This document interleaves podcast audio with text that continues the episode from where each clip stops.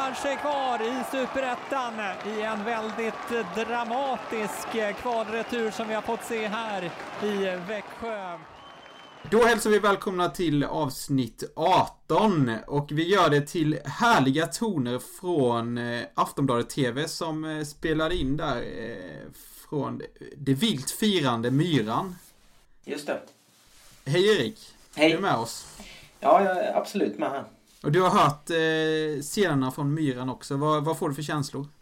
Eh, ja, men jag, jag är väldigt glad eh, över detta givetvis. Vi ska även höra en intervju som gjordes, eh, även den av Aftonbladet TV, med eh, Dragan inför den första kvalmatchen mot Landskrona. Där Dragan inte riktigt har koll på motståndet. Och eh, Kapsevich, han eh, säger så här om eh, vad det är för eh, Landskrona som han tror att man kommer att eh, ställas mot ikväll. Jag har inte alls koll på dem. Men eh, vi mötte dem förra året och eh, de var ju väldigt bra hemma. Eh, vi vann men eh, jag kan ju säga att det var inte välförtjänt. Men eh, det är säkert ett bra lag i och med att de har tagit så många poäng eh, i, i ettan. Men har inte alls koll på hur de spelar eller, eller hur de gör i, alltså i själva spelet. Och eh, där tackar vi Dragan för hans, eh, ah, lite dåliga koll på Landskrona. Ja, det, han hade alltså inte koll på hur de spelar eller hur de gör i själva spelet då va? Nej, men han vet att de var bra förra året i alla fall. Ja, precis. Det som förvånar mig lite är att eh, tränarstaben borde ju på något sätt ha informerat truppen om lite hur de spelar. För de måste ju ändå kunnat se någon match i efterhand och sådär. Det har de säkert gjort. Jag kan tänka mig att Dragan kanske zonade ut lite Ja, just under detta ja. momentet då. Han funderade lite mer på hur han skulle göra mål. Ja,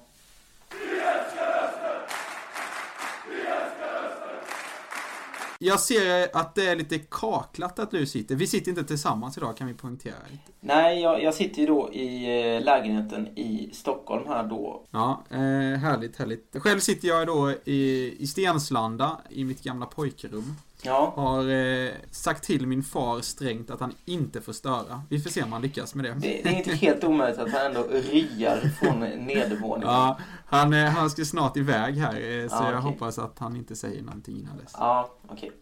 Ja, eh, du har alltså fått flytta tillbaka till din lägenhet. Eh, Sist vi pratades vid så, så bodde du på annan ort. Men nu är det klart stambytet då alltså? Ja, nu, nu är allt färdigt här så att eh, nu eh, har jag då fått flytta tillbaka hit. Det enda kvarvarande problemet just nu det är att vi, vi på något sätt har blivit invaderade av något som kallas för faraomyror. så att de kryper omkring här, framförallt i köket då. De är ganska spännande att titta på egentligen. De är liksom Ja. eh, 3 till 4 millimeter stora eh, och eh, kryper omkring. Ja, har du ringt Anticimex? Eh, ja, det stod en lapp i hissen att man var tvungen att göra det då eftersom ehm, Ja, hela huset är lite invaderat då. Jaha, ja, det låter inte så roligt. Mm. Ja, eh, men eh, har det hänt eh, något mer sen sist? Eh, jag såg Robert Björknesjö eh, på eh, gallerian som ligger här i närheten. Jaha, eh, var han solbränd? Eh, nej, det var han inte, men han var väldigt glad och hälsade glatt på en eh, annan människa.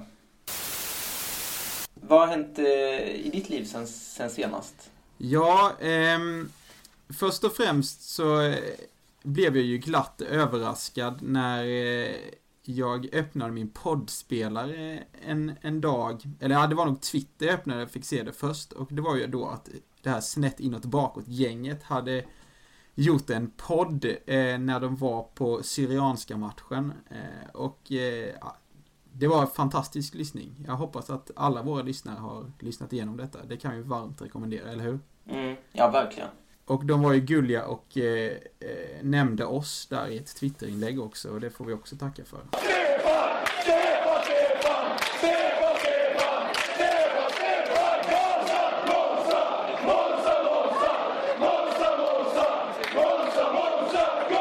Vi har väl tänkt, precis som förra året, att vi gör en liten summering av säsongen och i och med det så kommer vi även betygsätta alla spelare. Ja, och eh, ledare då. Och ledare då, och Mm. några övriga. Vi använder väl eh, Smålandspostens gamla system med julgranar. Absolut. Härligt. Och vi har gjort lite annorlunda, annorlunda detta året eh, i och med att vi har inte båda betygsatt samma spelare utan vi har tagit eh, en eh, lagdel eh, var då. Just det. Ska vi göra så att vi börjar med målvakterna? Det är ju ändå på något sätt längst bak i ledet. Precis, och det är ju du som har fått den uppgiften. Den uppgiften fick jag och vi har ju två målvakter som har spelat. De har väl spelat ungefär lika många matcher. Ja, skulle Jag har inte räknat men jag kan tänka mig det. Eh, och det är ju då Robin och Tobias. Eh, och jag har valt att sätta en tvåa på båda två. Jag hade nog, om inte Robin hade stått de här sista matcherna och gjort det bra så hade han inte fått en tvåa. Utan då hade han fått en etta. Men i och med den här lilla upphämtningen han gjorde på slutet. Han var ju fantastiskt bra i kvalet här.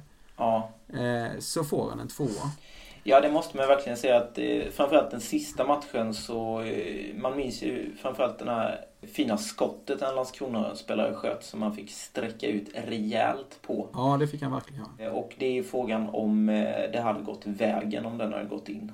Nej, det hade, vi inte, hade nog inte. Och det, där får man ge Velic lite cred, för han sa ju någon gång att jag väljer Robin för att han gör lite mer avgörande räddningar. Mm. Och Ja, det det, köper jag fullständigt, det resonemanget. Sen, eh, sen är det ju det att han är lite mer ojämn också, så att det är verkligen lite av ett vågspel. Men den här gången gick ju den chansen hem då kan man säga. Mm.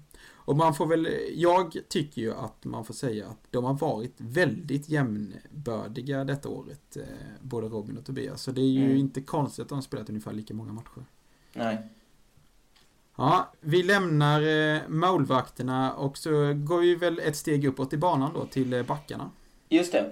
Eh, Och det följer på min lott då att betygsätta backlinjen. Egentligen är ju det fem spelare då som är inblandade där kan man säga.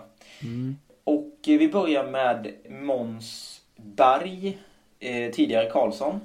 Har du, du har inte valt då att sätta ett betyg på Måns Berg och ett betyg på Måns Karlsson? Eh, nej, det hade ju varit en ganska kul grej förstås. Men nej, utan jag, jag väljer ju att slå samman detta då. Ja, låt höra vad betyget blir. Det blir ju då en tvåa på Måns. Två julgranar. Kan det vara så att om man hade hetat, om du hade gett ett betyg till Måns Karlsson så hade det kanske blivit ett steg lägre? Eh, nej, jag, eh, jag upplever det att han har varit ganska jämn den, den här säsongen. Eh, och en tvåa är ju det betyget jag ger då. Han eh, har väl varit relativt stabil bakåt som vanligt. Eh, men kanske det har funnits säsonger när han liksom har märkts mer. Sen är han ju Eh, har han ju kanske inte världens bästa uppspelsfot och så vidare. Men det är inte hans uppgift riktigt heller. Nej, jag håller med dig. Hans mittbackskollega har oftast varit Fredrik Lundgren. Eh, Mm. Även Fredrik får en tvåa av mig. Det positiva med Fredrik denna säsongen är ju att han gjorde ju faktiskt eh, ett antal nickmål där ju. Ja, det var ju väldigt härligt att han kom igång lite. Ja, som eh, var väldigt viktiga. Så att eh, det drar ju upp betyget och kanske att han nästan snuddar på en trea. Men det blev en tvåa denna gång. Ja. Stefan, också en tvåa. Tycker väl att han spelade upp sig ju längre säsongen gick. Och eh, kom ju till lite fina inläggssituationer och sådär i kvalmatcherna tycker jag. Men eh, ja, det är fortfarande så att man förväntar sig lite mer av Stefan då. Mm. Det är väldigt härligt när han flyter fram på högerkanten och slår de här perfekta inläggen. Ja, Det har skett lite väl sällan i år kan man ju tycka. Ja, det kan man säga. Han har dock varit lite lugnare i år tycker jag. Det var väldigt mycket utbrott på domaren och liknande förra året. Han har vä- växt in i sin kaptensroll Ja, sen har han ju fortfarande kvar då det här att ibland så är det precis som att han tänker att han spelar hockey istället för att han, han kommer med väldigt mycket rätt så hårda tacklingar skulder om skulder då förvisso men domaren blåser ju ofta av honom för det. Ja. Ehm, ja.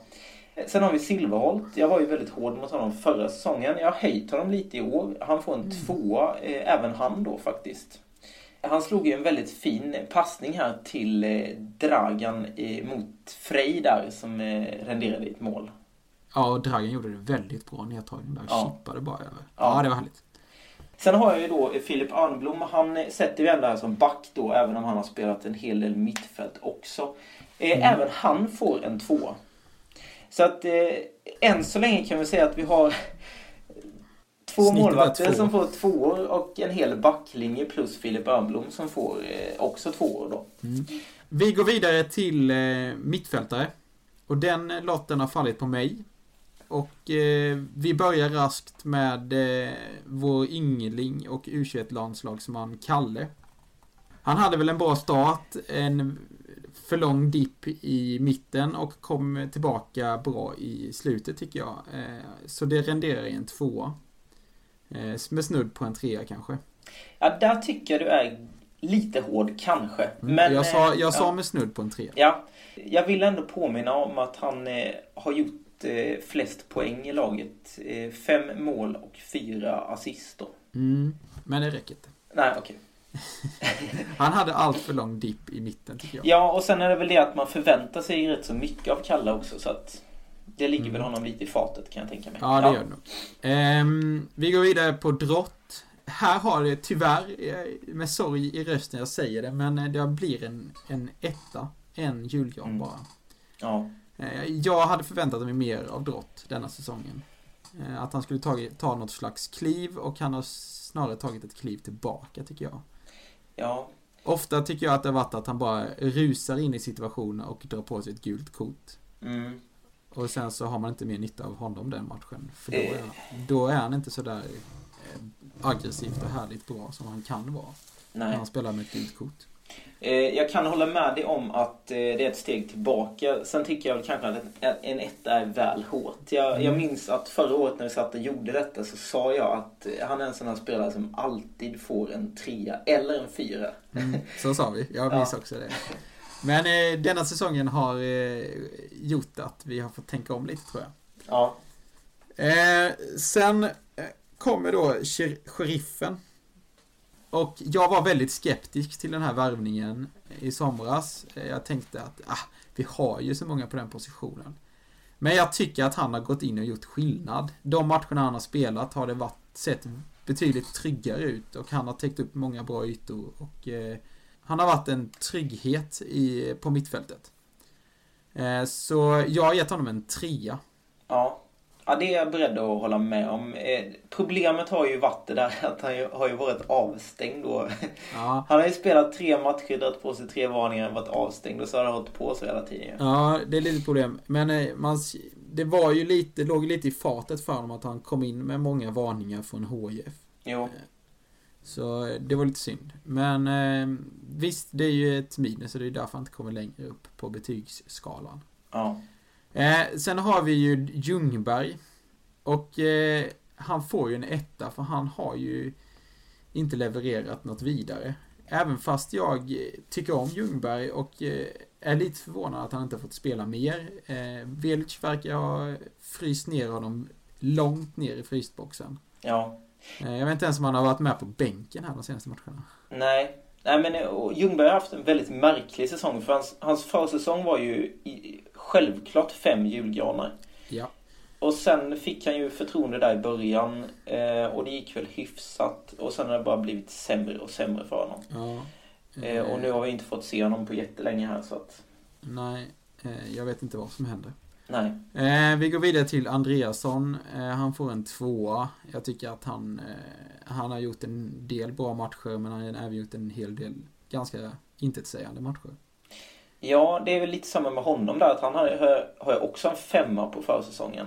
Mm. Och sen så var det en lång period när han inte fick spela. Sen kom han ju tillbaka här i slutet eh, och fick spela en hel del. Och då tyckte jag att han var väldigt bra. Han gjorde en bra arbetsinsats. eh. Ja, han, är, han springer väldigt mycket och är Mm. bra i pressspelet. Bra skott fast de sitter ju aldrig. Det är det som är det tråkiga. Ja, exakt. Mm. Jag trodde för övrigt att det var han som gjorde målet mot Landskrona. Ja, ja. Eh, jag blev väldigt förvånad när det stod i tidningen att det var James Keen. ja, okej. ja, det bevisar lite hur nervös du var kanske. Ja, och min far var lika övertygad om att det var Andreasson. Det var väldigt roligt. Mm. Ehm, sen har vi då Mattias Pavic som vi räknar som en mittfältare. Eh, det är väl lite för att vi tycker att han är bäst där. Han har ju spelat mycket ytterback också denna säsongen. Och jag har valt att sätta en tvåa på honom, men det är ju tyvärr så att matcherna som ytterback drar ner honom. Hade han bara fått betygsättas på eh, mittfältsmatcherna så att säga, så hade han nog kommit upp i en trea. För där har han varit väldigt bra och framförallt väldigt bra nu på slutet. Mm.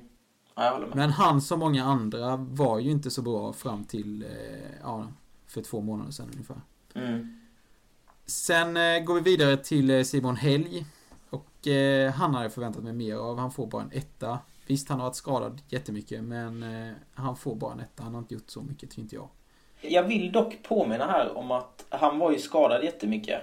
Ja, Eh, och sen spelade han under hösten och han gjorde ju flest assist. Fem stycken. mm, han får ändå bara en etta. Jag tycker det är stenhårt. Jag, jag vill vara hård.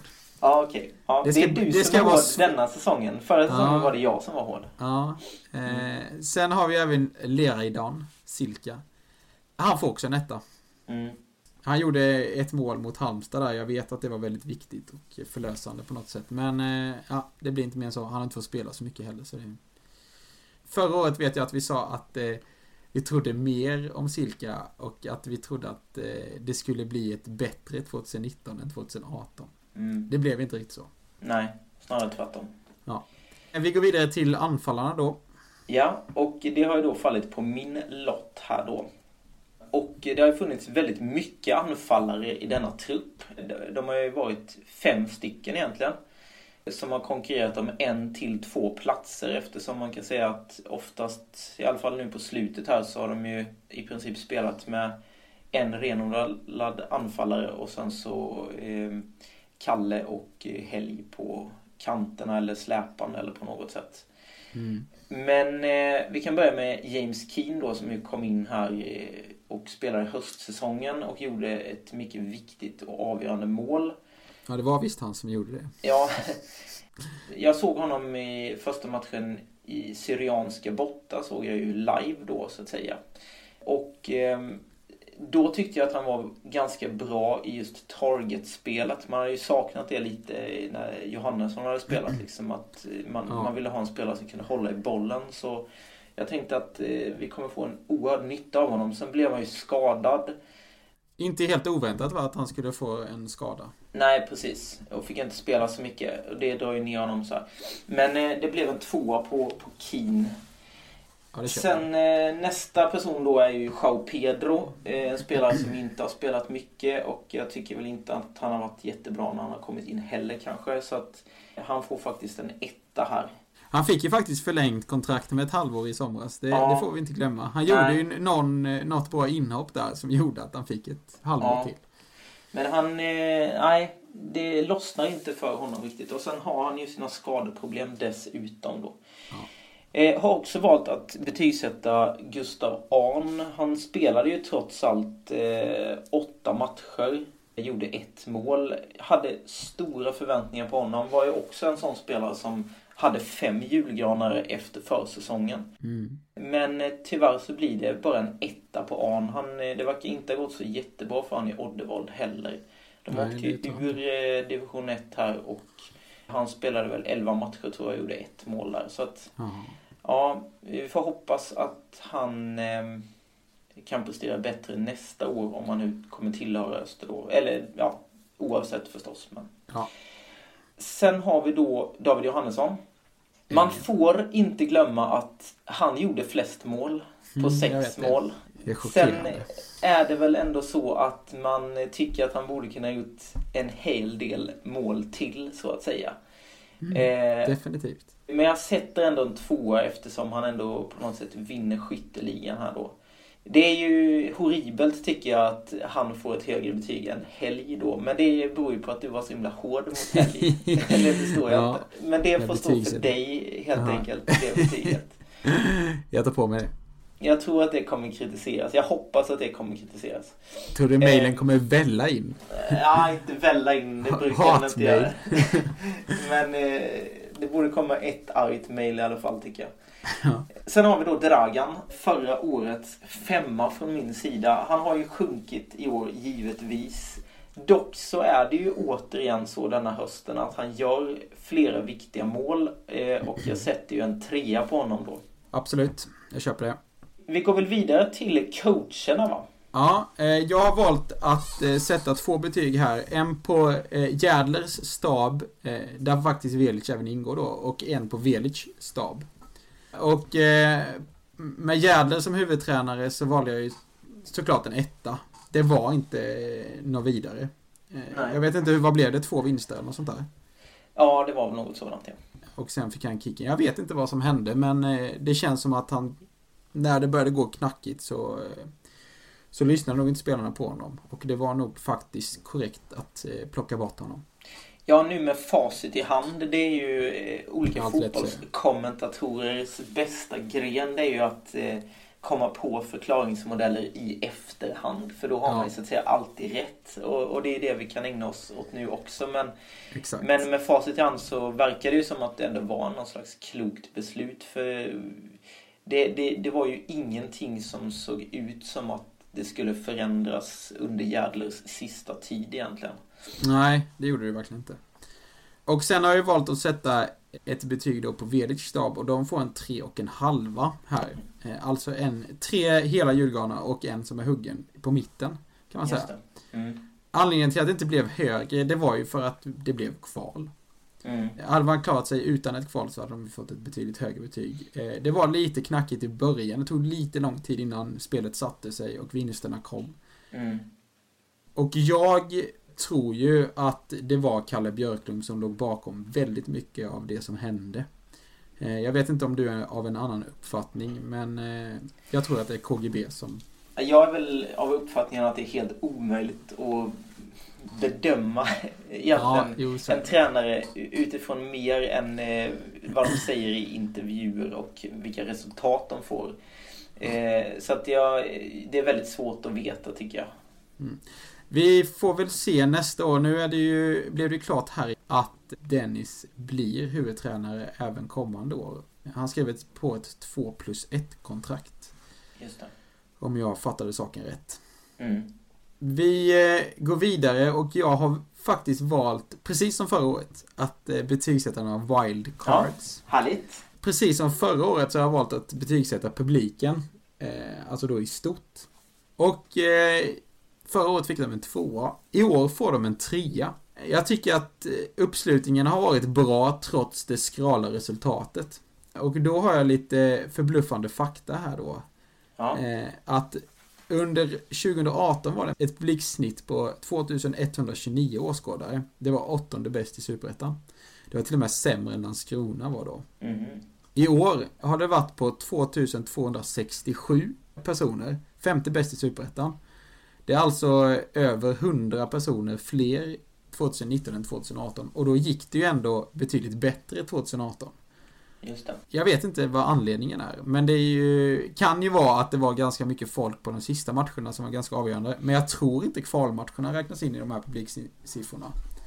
Nej, och man kan ju inte säga att det har funnits några direkta publiklag i årets superetta heller. Nej, inte det eh, heller. Det går inte heller att förklara det så.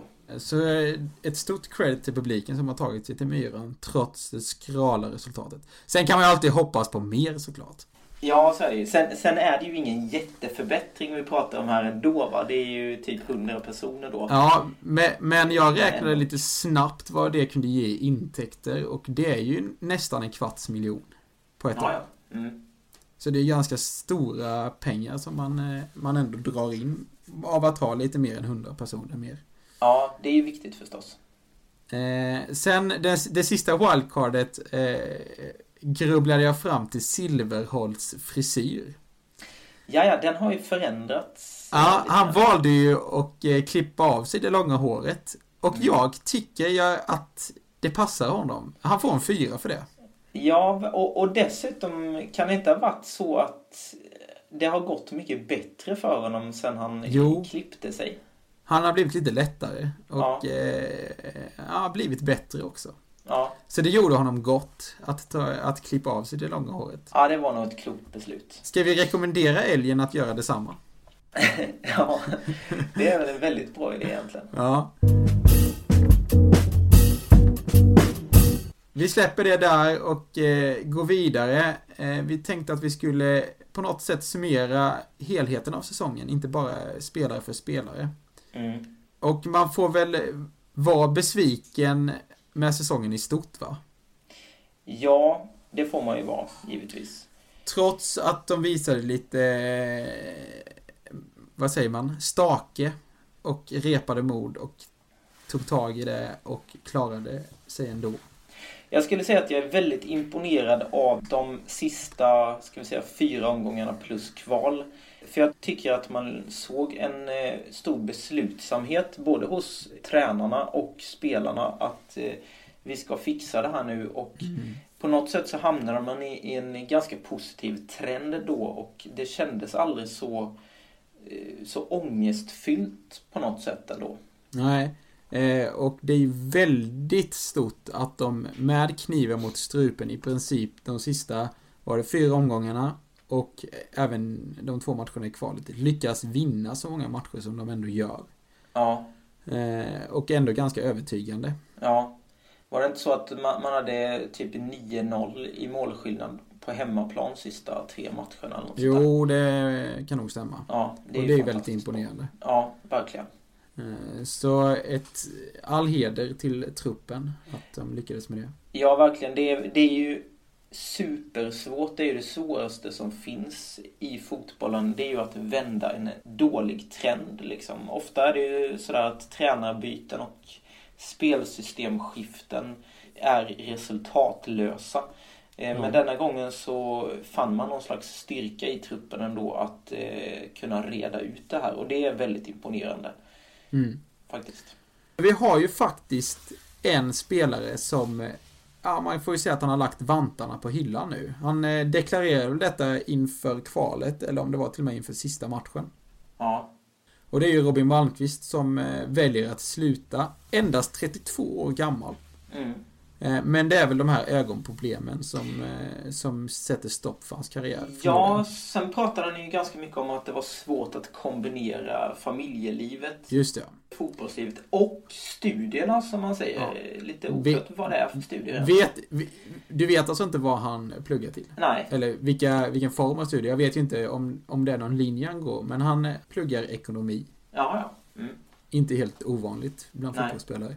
Nej. Jag har tagit fram lite fakta om Robin. Han har ju då moderklubb Alvesta, så han är ju från grannorten. Spelat 132 matcher i öster. Han gjorde dock fler i assyriska. Det var där spelade han, Ja, där spelade han hela 145 matcher. Mm. De åren han inte kunnat leva på fotbollen har han eh, jobbat som elevassistent. Det mm. gjorde han både då i Södertälje och här i Växjö.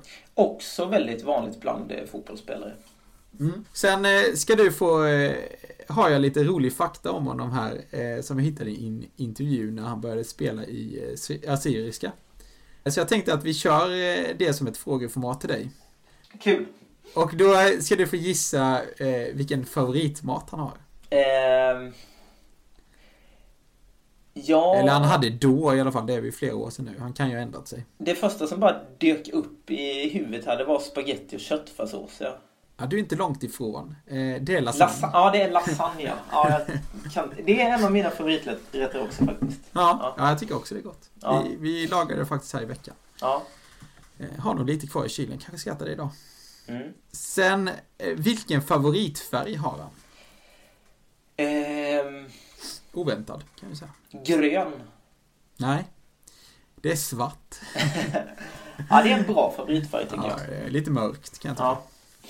Vilken eh, favoritmålvakt har han? Um, kan du inte säga om det är en svensk i alla fall? Det måste Nej, det är ingen svensk. Okej, men då är det säkert Buffon då. Nej, det är det inte. Det är Peter Schmeichel. Ja, ja. Han var väl bra när Robin var ung. Eh, sen har han ju ett favoritlag, eller ja, han håller inte på det så mycket säger han, men han har ändå ett favoritlag utanför eh, Sverige och förutom de han har spelat i. Han har varit i Norge en sväng i Tromsö också. Mm. Eh, men utanför detta har han ett favoritlag. Vilket kan det vara? Ja, men det är väl Manchester United då förstås? Nej, det är faktiskt inte Manchester United. Då är det Manchester City, för där har ju Schmeichel också stått. Eh, inte Peter va? Jo. Ja, så har han. Ja, ja. Jag, Nej, eh, det är inte Manchester City heller. Utan det är Tottenham. Ah, ja. Mm. Sen eh, den sista här då. Eh, vilken skostorlek har han? De är ganska stora tror jag. Ehm, jag tror att han har 46. Nej, så stort är det inte. 44. Ja. Med detta så tackar vi Robin för allt gott han har gjort i öster och önskar honom lycka till med eh, ekonomin i framtiden. Får man säga så? Ja, absolut. Det kan man säga. Både den privata ekonomin då och... Och, Och- andras ekonomi som man kanske ska jobba med. ja, exakt. Ja.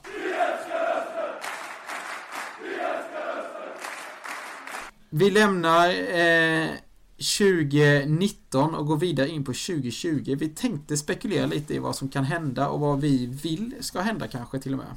Ja, precis. Ska vi börja i den änden att vi går igenom lite vilka spelare som har kontrakt eh, 2020? Ja, absolut. Eh, jag har listat de här, några som jag är lite osäker på. Men de jag vet har kontrakt är ju Pavic eh, och eh, Stefan Karlsson. Även Örnblom, Kalle, Drott, Sheriffen, Keen och även då Silka har kontrakt eh, Mm. kommande år. Det, där, det är ju en eh, lista på väldigt bra spelare att ha kontrakt med de flesta Ja. tycker jag. Eh, de, de man kan tänkas eh, lämna av dem är väl Silka då. Ja, och sen får man väl se lite hur Keen tänker med sin framtid och även Johan Persson förstås. Mm. Eh, Johan Persson tror jag och även hoppas att han kommer nog fortsätta nästa säsong. Keen fick inte så mycket speltid. Så han kanske vill komma till något lag där han får spela lite mer. Mm. Men samtidigt sa han ju att han trivdes väldigt bra i Växjö och i Öster. Mm. Sen har jag två som jag har lite frågetecken kring som jag inte riktigt har hittat. Och det är Ljungberg och eh, Tobias. Eh, hur det ser ut för dem. Har du koll på det? Nej, det har jag inte. Men eh, målvaktsfrågan är ju en väldigt eh, intressant fråga här inför nästa år eftersom eh, Robin nu har slutat och vi har en extremt talangfull målvakt men han är ju Mm. väldigt ung i Viktor Stulic. Mm. Eh, det hade ju varit väldigt kul att se vad han går för lite grann men eh, Ja. sannolikt så kommer väl det inte att hända. En så kallad andra spade till eh, Stulic hade väl varit bra. Ja, du tror alltså att det kan bli så att han får chansen här? Jag hoppas lite på det. Ja, det gör väl på något sätt jag också. Fast jag tror knappast på det i detta prekära läge som vi alltid sätter oss i. Ja. Eh, jag skulle nog gissa att antingen blir det nog Tobias eller också plockar man in någon annan. Vi ska väl även säga det att det blev klart här igår. Vi eh, har nog inte sagt att vi, det är lördagen den 23. Klockan är nu 09.00 när vi spelar in. Och igår så blev det ju då offentligt att det blev Velic som blir tränare även kommande säsong. Vad har du för tankar om det? Ja, Jag är väldigt glad över det. Jag, och jag kände väl också att trots att det spekulerades om att det kanske inte skulle bli så så kändes det väldigt konstigt om det inte hade blivit så. Jag menar, han bevisade ju faktiskt här att eh, han duger alldeles utmärkt som tränare i denna jättesvåra situation. Eh, och att då få börja med en tom tabellrad nästa säsong och få förbereda laget som han vill. Det är ju, tänker jag då, en något enklare uppgift. Sen eh, betyder inte det att det kommer gå jättebra för det, men jag tror att det är mycket lättare att eh, komma in som tränare med de förutsättningarna i alla fall. Det tror jag också. Han har ju även, han har på något sätt visat nu att han håller lite superettan-nivå även som tränare. Absolut. Men eh, det jag vill är ju att det plockas in en assisterande tränare som har lite erfarenhet från denna nivån. Eh, Så när, om det börjar blåsa lite så har man någon eh, som har varit med förr. Mm. Eh, Jag tror det kan vara bra om det gör det. Det verkar inte som att Kalle Björklund är aktuell. Men den typen skulle jag vilja ha in. Ja, jo, men det håller jag verkligen med om att det är nog skönt att ha ett rutinerat bollplank då så att säga. Mm. Man kan ju även konstatera då att de har ju fått lösa det här på något sätt då Velic inte har gått alla kurser. Men nu har han tydligen anmält sig till de här utbildningarna som man måste göra för att vara tränare i Superettan. Så han ska ju gå de här under 2020. Vilket kanske kan ta lite energi från honom. Så därav behöver han ju en erfaren andra tränare också. Ja, Vad tror du om nyförvärv? Det känns som anfallare är väldigt viktigt att vi får in. Ja, alltså som jag sa innan, vi hade ju jättemycket anfallare denna säsongen. Eh, problemet är ju bara att det är lite av en åldrande befolkning eh, Mm. på anfallssidan. Tror du de kommer försöka förlänga med någon av de anfallarna där kontraktet går ur? Alltså jag tänker väl att det skulle väl möjligen vara Dragan då för att man känner att man behöver en målskytt liksom och det är inte så lätt att hitta det. Men eh, Nej. jag, jag tror kanske inte att de förlänger med honom. Nej, jag, jag tror och hoppas att de vill städa lite där i så att man får in en lite yngre herre. Det Mm. pratades väl om någon från typ Bromölla för några veckor sedan, men jag Mm, vet inte vad som hände. Ja, och sen, sen hade man ju så höga förhoppningar på Gustav Ahn och jag har nog inte gett upp dem än. Jag tycker Nej. att det hade varit kul om han fick komma tillbaka till truppen och se lite vad, vad, vad som kan hända med honom. Mm, det hade varit kul om han har blivit ett år äldre och även ett år bättre och kan utmana om en plats. Ja. Sen är det ju, alltså... Jag har ju hela säsongen känt att mittfältet har varit Östers starkaste lagdel medan eh, backlinjen inte har varit lika stark, vill jag ju hävda då. Och där ser jag väl att på ett sätt så hade det väl känts helt okej att man fortsätter med samma backlinje. Men eh, för att Öster ska kunna ta ytterligare steg så tror jag att man behöver nog eh, plocka in ett till två namn i den backlinjen för att förbättra den helt enkelt. Ja, det tror jag också och eh, kanske är det Oliver Silverholt då som eh, eller Oliver Silverholts plats som måste eh, förnyas på. Jag vill ju tro att Örnblom ska ta en plats nästa år och eh, bli ett år bättre även han. Ja, Eh, och peta en av då eh, Lundgren och Måns. Och, eh, jag gillar ju Måns och jag hoppas ju att han petar Lundgren. ja, ja, vi får väl se här. Frågan är om båda de två skriver nytt kontrakt för de har ju utgående kontrakt båda två. Både Måns och Lundgren.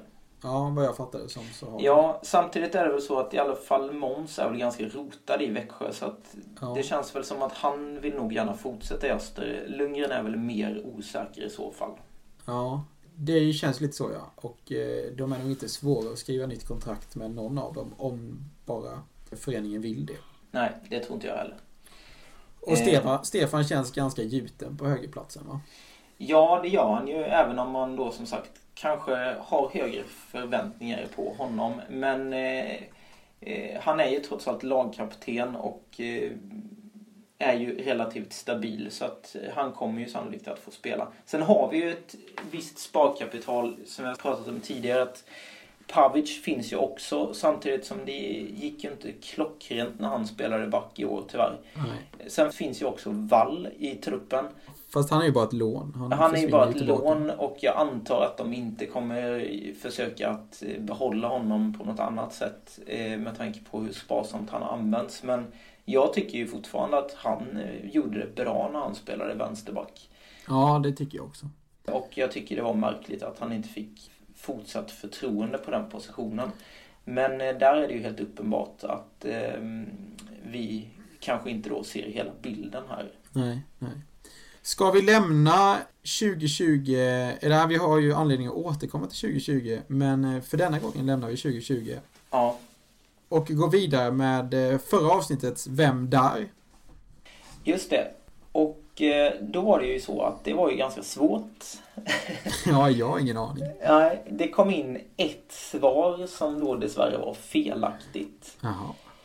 Och eh, jag kan läsa upp det hur det var. Den här veckan söker vi en sötsugen man som kan slå hela världen med häpnad.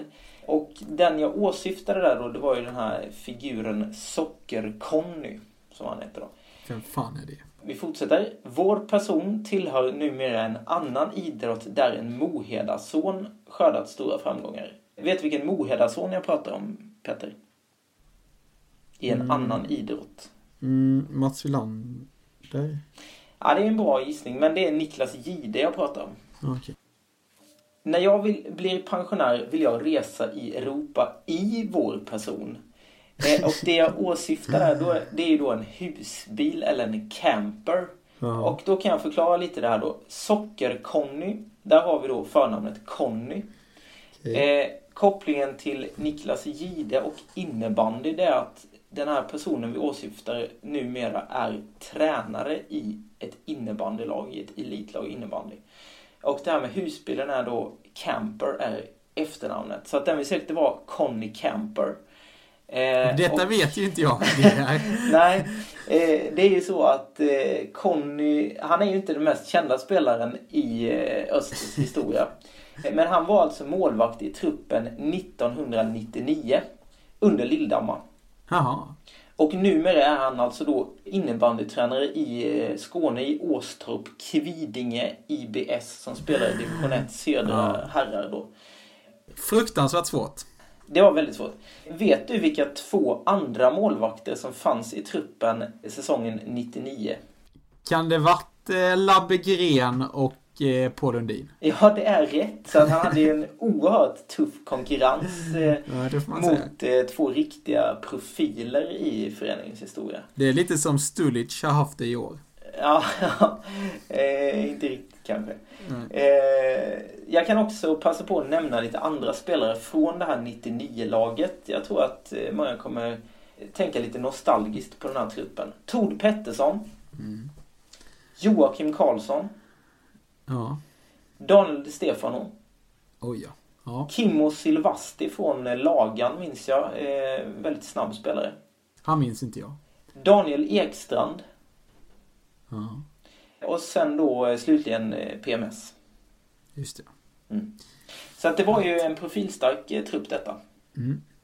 Eh, med det så eh, säger vi då att ingen har vunnit och vi kommer inte dela ut något pris och ställningen är oförändrad i kampen om eh, mest segrar i Vem Där?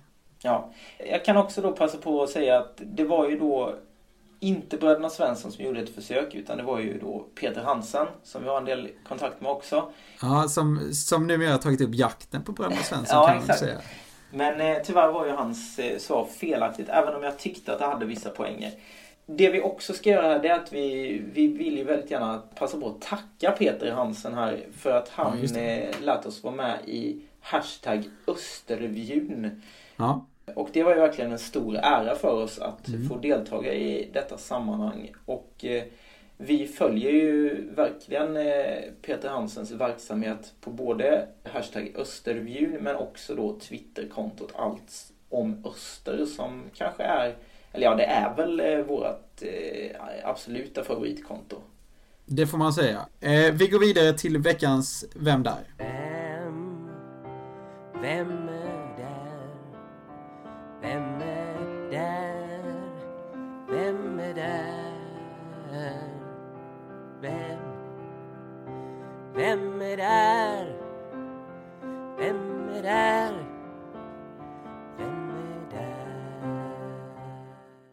År 2010 beskrev vår djävul sig som en gapig idiot. Trots detta blev det endast en rödblå säsong för Ryssbysonen innan han flyttade till tvåan i Kinas huvudstad. Jag tror att detta är lite lättare än, äh, än ditt äh, Vem där? Jag vet inte om du redan har listat ut vem det är? Eh, jag har väl vissa funderingar. Ja, vi kan ta det när vi har stängt av micken. Absolut. Vi vill även säga att eh, vi har ju startat ett Twitterkonto för den som inte uppmärksammat det. Vi gjorde det ganska raskt efter förra avsnittet. Efter vårt utvecklingsmöte. Så kom det fram eh, att vi startade ett Twitterkonto. Så har ni inte redan följt oss, jag tror vi har 70 följare eller något sånt där. Så in och följ oss på Twitter. Ni hittar oss om ni söker på eh, alternativa Östernpodden. Just det, ja det. Det var ju också väldigt kul det här utvecklingsmötet då som Mr G här initierade. Mm. Där vi då skulle prata lite om poddens framtid och sådär. Det var på ett väldigt seriöst sätt. Vi satte upp olika post-it-lappar. Mm. Eh, och sen fick vi då under olika kategorier skriva vad vi tyckte. Jag hade ju en favoritkategori där som var Vad kan jag göra? För att podden ska bli bättre. Eh, och det roliga med den kategorin var ju att både du och jag kom med lite konstruktiv kritik till oss själva medan då Mr G menade på att han kunde inte göra någonting bättre. Nej, jag vet. Så det var ju ganska kul. Han, han är alltid perfekt. Ja, verkligen. Vi eh, ska innan vi slutar passa på att som vanligt puffa lite för Patreon. Och eh, vi vill ju väldigt gärna ha någon som eh, stöttar oss på den här Tony Westring-nivån. Ja, det har ju inte burit frukt eh. Nej, eh, man, man får ju massa härligt extra material om man går in och stöttar oss på Tony Westring-nivån. Så gå in på eh, www. Patreon.com snedstreck alternativa osterpodden. Precis. Eh, och det vi kan eh, locka med det är ju lite grann det här. Vi, hade ju ett besök här på Moheda IP du och jag. Just det. I somras där när vi var på väg till Slätthög för att titta på Björn Stringhem. Och då spatserade vi ju runt där på arenan utanför Mohedahallen och eh, Mm. pratade om lite olika saker.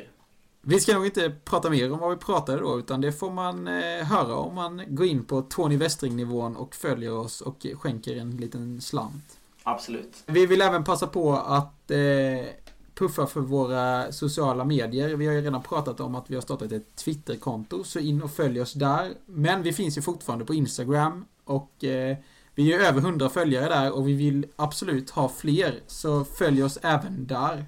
Och vi kan väl även säga det att eh, jag minns inte om vi hade kommit ut på Spotify förra avsnittet, men vi finns ju på Spotify också nu. Man kan gå in och söka på Alternativa Österpodden där och hitta oss och lyssna. Eh, jag har en kompis som gör det och han är väldigt nöjd med att vi finns på Spotify. Ja, ja, det är bra. Med detta så eh, tackar vi för idag och eh, på återseende. Vi kommer att komma ut även under uppehållet. Det kan vi väl lova. Det kan vi absolut lova. Ha det bra! Ja, Hej då. samma. Hej.